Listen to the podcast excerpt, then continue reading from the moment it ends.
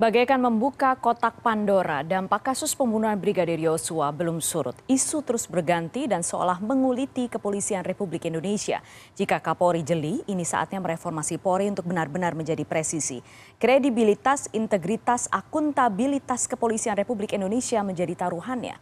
Kita bahas bersama narasumber sore hari ini ada Hermawan Sulistyo, Kepala Pusat Kajian Kamnas Universitas Bayangkara Jaya. Prof Kiki, selamat sore Prof. Ya, saya juga sapa Pak Sugeng Teguh Santoso, Ketua Indonesia Police Watch. Pak Sugeng, selamat sore.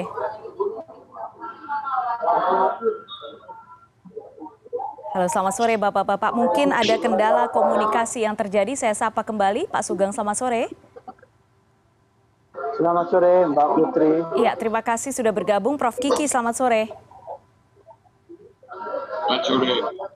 Ya, selamat sore. Terima kasih sudah bergabung Bapak-bapak, tapi saya masih kurang mendengar jelas uh, suara Prof Kiki. Sebentar lagi akan uh, kami perbaiki. Tapi sekarang saya akan ke uh, Pak Sugeng terlebih dulu. Pak Sugeng, kalau melihat uh, perjalanan kasus ini satu bulan lebih belum tuntas, justru berkembang menumpuk seperti bola salju. Uh, Anda melihat memang uh, ini adalah kenyataan dari karena kasus ini belum tuntas jadi menarik ke mana-mana atau bagaimana Pak Sugeng Anda melihatnya? Oh, tidak, menurut saya justru tim sus ya sudah bisa memetakan uh, kasus pidananya ya, iya. kasus pidana pembunuhannya. Oke. Okay. Jadi tim sus menurut saya sudah berhasil bahkan hmm. cepat mengungkap pasca Barada Eliezer merubah pengakuannya, tim yeah. sus bergerak cepat. Hmm. Jadi sudah dipetakan uh, ada dua perkara pidana. Hmm. Sementara ini untuk kasus pembunuhan yaitu pasal 338 yeah. untuk Barada Eliezer dan pasal 340 untuk uh, FS, RR dan uh, Kuat Ma'ruf ya. Yeah. Nah, terkait ada ikutannya yang lain, hmm. itu kan adalah kerja tambahan yang uh, sangat cepat oleh Irsus ya dengan melakukan penyelidikan dugaan pelanggaran kode etik dan potensi adanya pidana obstruction of justice yang menyeret kurang lebih 62 orang sekarang ini. Hmm. Jadi ini sebetulnya on the track ya. Okay, IPW okay. melihat on the track kerja tim sus uh, menurut saya cepat dalam kasus pengungkapannya. Hmm, ya, iya. Ber, uh, berkaitan dengan kami tadi baru saja, ya, uh, iya. Kami juga baru saja berbincang dengan rekan kami yang berada di Mabespori. E, rencananya juga akan ada pengumuman status dari mereka yang diduga terlibat yang lain, yang Anda katakan tadi obstruction of justice. E, kalau misalnya banyak publik bertanya-tanya, mengapa begitu lama untuk menentukan nasib ketiga puluhan polisi lain yang diduga terlibat ini? Wah, melakukan satu proses penyelidikan ya kemudian merangkai fakta hmm. dalam waktu kalau saya tidak salah ini kurang lebih 15 hari itu pekerjaan yang dahsyat loh Mbak ya. Oke. Okay. Memeriksa 62 orang merangkai semua fakta itu hmm. pekerjaan yang berat. Hmm. Dengan pengungkapan ini menurut saya ini kerja yang besar ya dan hmm. harus di apa didukung dan diapresiasi. Iya. Yeah. Gitu ya. Oke, oke baik. Saya ke Prof Kiki sekarang, Prof. Kita lihat uh, seolah masih ada yang belum tuntas sekarang. Muncul kemudian ada dugaan-dugaan yang lain berkaitan soal dengan penyitaan rekening, transfer dana, sampai muncul isu superbody di Propampori. Anda melihat secara garis besar kasus ini akan berakhir seperti apa, Prof Kiki?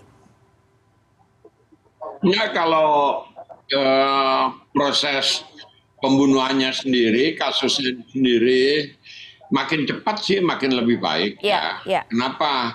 Supaya uh, tidak melebar ke mana-mana. Hmm. Kenapa melebar ke mana-mana? Banyak orang numpang kepentingan. Oke. Okay. Yang ke partai numpang kepentingan, yang ke penjahat-penjahat juga menumpang kepentingan, beredar foto ini, foto itu. Orang-orang yang baik, misalnya yang di, eh, disebut terlibat dalam jaringan perjudian gitu. Fotonya nyebar ke mana-mana. Itu justru orang-orang yang selama ini bersihin ke perjudian orang Kapolda membawa Kapolda di Sumatera eh, di Sumatera Utara misalnya mensweeping eh, nangkepi judi di sana Lah kok dibilang dia bikin alibi, menutupi. Itu orang-orang yang di, di polisi pun dikenal bersih gitu. Hmm, hmm. Ya, dan nggak pernah ada kasus yang satu mantan KPK, yang satu mantan Korspri Kapolri. Nah, tapi di ruang publik disodorin nama mereka, foto mereka, nomor kontaknya. Jadi publik percaya, oh ini bagian dari jaringan. Jadi eh, semua menangguk keuntungan, ya, ikut ya. ikut bertarung hmm. melebarkan ceritanya ke mana-mana gitu loh. Hmm, bahkan ya. uh, bahwa, bahwa ini Apa? memang isu-isu yang sengaja dimunculkan gitu, Prof Kiki? Lah iyalah semua orang menangguk keuntungan yang yang pemimpin partai uh, maju karena partainya partai gurem. Itu kan misalnya kayak uh, pengacaranya uh, apa korban itu kan itu kan wakil ketua partai gurem yang kalah pemilu. Sekarang kalau ngomong di TV itu bukan ngomong kasusnya tapi ngomong kasus-kasus yang lain uh, supaya apa nanti partainya naik kan begitu mm, mm. terus terus Komnas Ham uh, tetap aja ngotot melakukan pemanggilan ini itu karena ke untuk memperkuat institusinya dia nggak mikirin polisinya kayak apa gitu LPSK sama aja semua kayak begitu. Oke mm, oke. Okay, okay. Hmm, jadi Prof, mengambil keuntungan. Ada ada ada banyak ada beberapa pihak yang mengambil keuntungan. Pak Sugeng, Anda juga melihat ini terjadi sekarang? Uh, saya tidak tahu ya apakah ada yang mengambil keuntungan atau tidak. Tapi terkait dengan isu terakhir beredarnya skema itu, saya saya melihat memang ada kelompok yang bertujuan mau menggusur ini, yang nama-nama yang tersebut di dalam memanfaatkan momen ya ada yang nama-nama tersebut yang belum tentu bersalah begitu ya. Tetapi kemudian sudah dimunculkan namanya dikaitkan dengan bandar judi. Data-data bandar judi ada di sana, itu memang perlu didalami. Tetapi dalam pendalaman ini memang harus mengedepankan profesionalisme dengan mengedepankan juga asas praduga tak bersalah. Yeah. Karena nama-nama beberapa jenderal di situ tidak ada kaitannya dengan kasus ter, eh, terbunuhnya Brigadir Yosua yeah, ya. Yeah. Tapi untuk hal yang lain sebagai informasi dengan data yang cukup Polri memang harus menelusurinya. Hmm. Begitu. Hmm. Ya, tapi bagaimanapun uh, Menko Polhukam dalam sebuah wawancara mengatakan uh, bagaikan kerajaan uh, Verdi Sambo ini kuat. Anda mendengar juga informasi itu Pak Sugeng?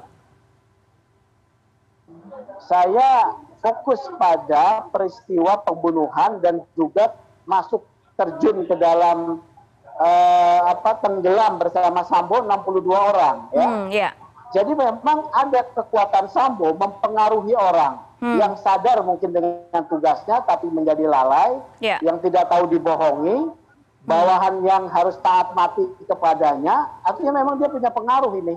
Oke. Okay. Bayangkan satu peristiwa pidana menenggelamkan 62 orang itu kan sesuatu yang dahsyat ya. Iya. Yeah.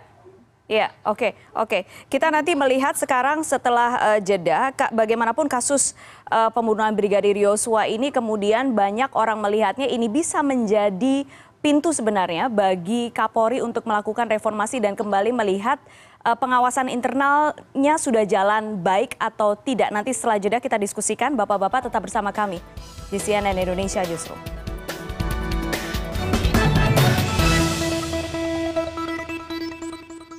Terima kasih Anda masih bersama kami di CNN Indonesia Newsroom. Masih ada dua narasumber bergabung sore hari ini, Prof. Hermawan Sulistyo, Kepala Pusat Kajian Kamnas Universitas Bayangkara Jaya, Prof. Kiki, dan juga Pak Sugeng Teguh Santoso, Ketua Indonesia Police Watch. Kami masih membahas soal uh, kasus Brigadir Yosua yang bagaikan membuka kotak Pandora dan kemudian publik sekarang melihat ini adalah saat yang tepat, momentum yang tepat untuk betul-betul membersihkan uh, Polri termasuk juga menyadarkan publik bahwa uh, pengawasan internal Polri, Polri itu lemah. Menurut Anda ini betul atau tidak, Prof. Kiki?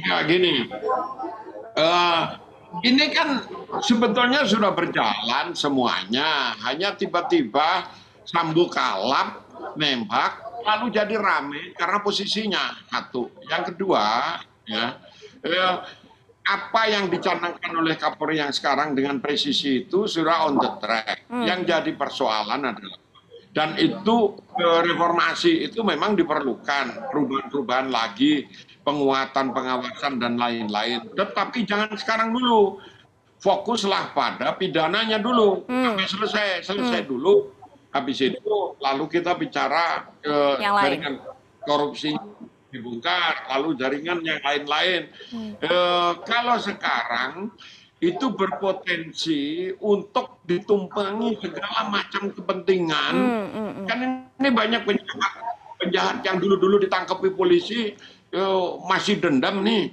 Ini ada peluang kalau saya sebarin hoax, oh ceritanya polisi itu begini begitu. Orang itu percaya saja apa saja yang di internet tuh ya kayak jadi Tuhan baru gitu. Hmm. Apa saja dipercaya dan ini momen bagus untuk lawan-lawannya polisi menyerang polisi hmm. gitu. Hmm. Jadi eh, pengawasan dan perubahan-perubahan yang uh, remedial yang diperlukan itu uh, uh, diperlukan, tapi jangan sekaligus. Contohnya, yeah. contoh tentang kelemahan-kelemahan dalam batas-batas ruang lingkup diskresi kepolisian. Itu eh, harus di, lebih di, dipastikan ditetapkan gitu. Eh, dulu ada kasus yang mirip. Yeah. dua kali Kapolres Krim menggunakan diskresi yang akhirnya ditangkap diperiksa di sidang. Publik harus tahu itu bahwa dua kali bintang tiga kabar Krim aktif itu pernah diperiksa di sidang dan dihukum. Itu uh, dan masih sering ngomong sekarang ngomong lagi gitu. Tapi publik udah lupa bahwa dulu pernah ada kasus seperti itu. Nah sekarang orang bertanya-tanya bisa nggak bintang dua dihukum? Ya bisa orang dulu bintang tiga aja bisa dihukum gitu loh. Nah fokus saja dulu ke sana, jangan, okay. jangan ke mana-mana. Ada yang bicara, ada yang ngaku prof, profesor dari mana itu bilang katanya ini organisasi Polri harus dirombak, mabes di mabes itu harus dihapus. Lah kalau mabes dihapus, anggaran negara itu lewat mana? Lewat pemerintah pusat, lewat mabesnya nggak ada. Mau ke polda-polda, polda-polda masih rebutan. Lalu kalau ada kasus, satu kasus ditangani eh, apa Baik. melintasi ke atas polda, ya. siapa yang nangani dan seterusnya dan seterusnya. Orang yang nggak ngerti polisi Jangan ikut-ikutan ngomong. Oke, okay. oke, okay. baik, baik. Jadi uh, saran ada, ini fokus saja Polri tetap bekerja membereskan ini, terutama uh, kasus pidana dibereskan semua, apalagi juga menyeret banyak polisi. Bagaimana dengan Anda, Pak Sugeng? Ya, ini meninggalkan banyak catatan ya, khususnya uh, terkait dengan dugaan pelanggaran kode etik ya. Iya. Pelanggaran kode etik oleh 62 orang itu sangat meninggalkan banyak catatan khususnya soal bagaimana hubungan atasan bawahan. Yeah. Relasi kuasa antara Sambo dengan eh, 62 orang itu itu satu catatan. Kemudian yang kedua, catatan kedua adalah bagaimana eh, bisa peran publik ya bisa ikut terlibat dalam satu pengawasan internal. Nah, ini model ini sebetulnya ada dalam Komisi Kode Etik uh, pada beberapa profesi di mana masyarakat ada di dalamnya. Mungkin hmm. ini juga sebagai satu usulan oleh IPW di dalam Komisi Kode Etik Kepolisian ya KKEP okay. itu supaya gitu gitu mbak. Oke okay, baik baik uh, baik uh, Pak Sugeng dan uh, Prof Kiki terima kasih sore hari ini sudah berdiskusi kesimpulannya dari diskusi ini adalah sejauh ini uh, sudah on the track dan penyelidik, uh, penyidikan juga sudah berlangsung. Uh, bagaimanapun ini adalah momen yang baik, terutama tapi polisi juga harus fokus dulu terhadap kasus pidana yang saat ini masih berjalan. Prof Kiki, terima kasih banyak sore ini sudah bergabung. Pak Sugeng, terima kasih banyak. Sehat selalu Bapak-Bapak.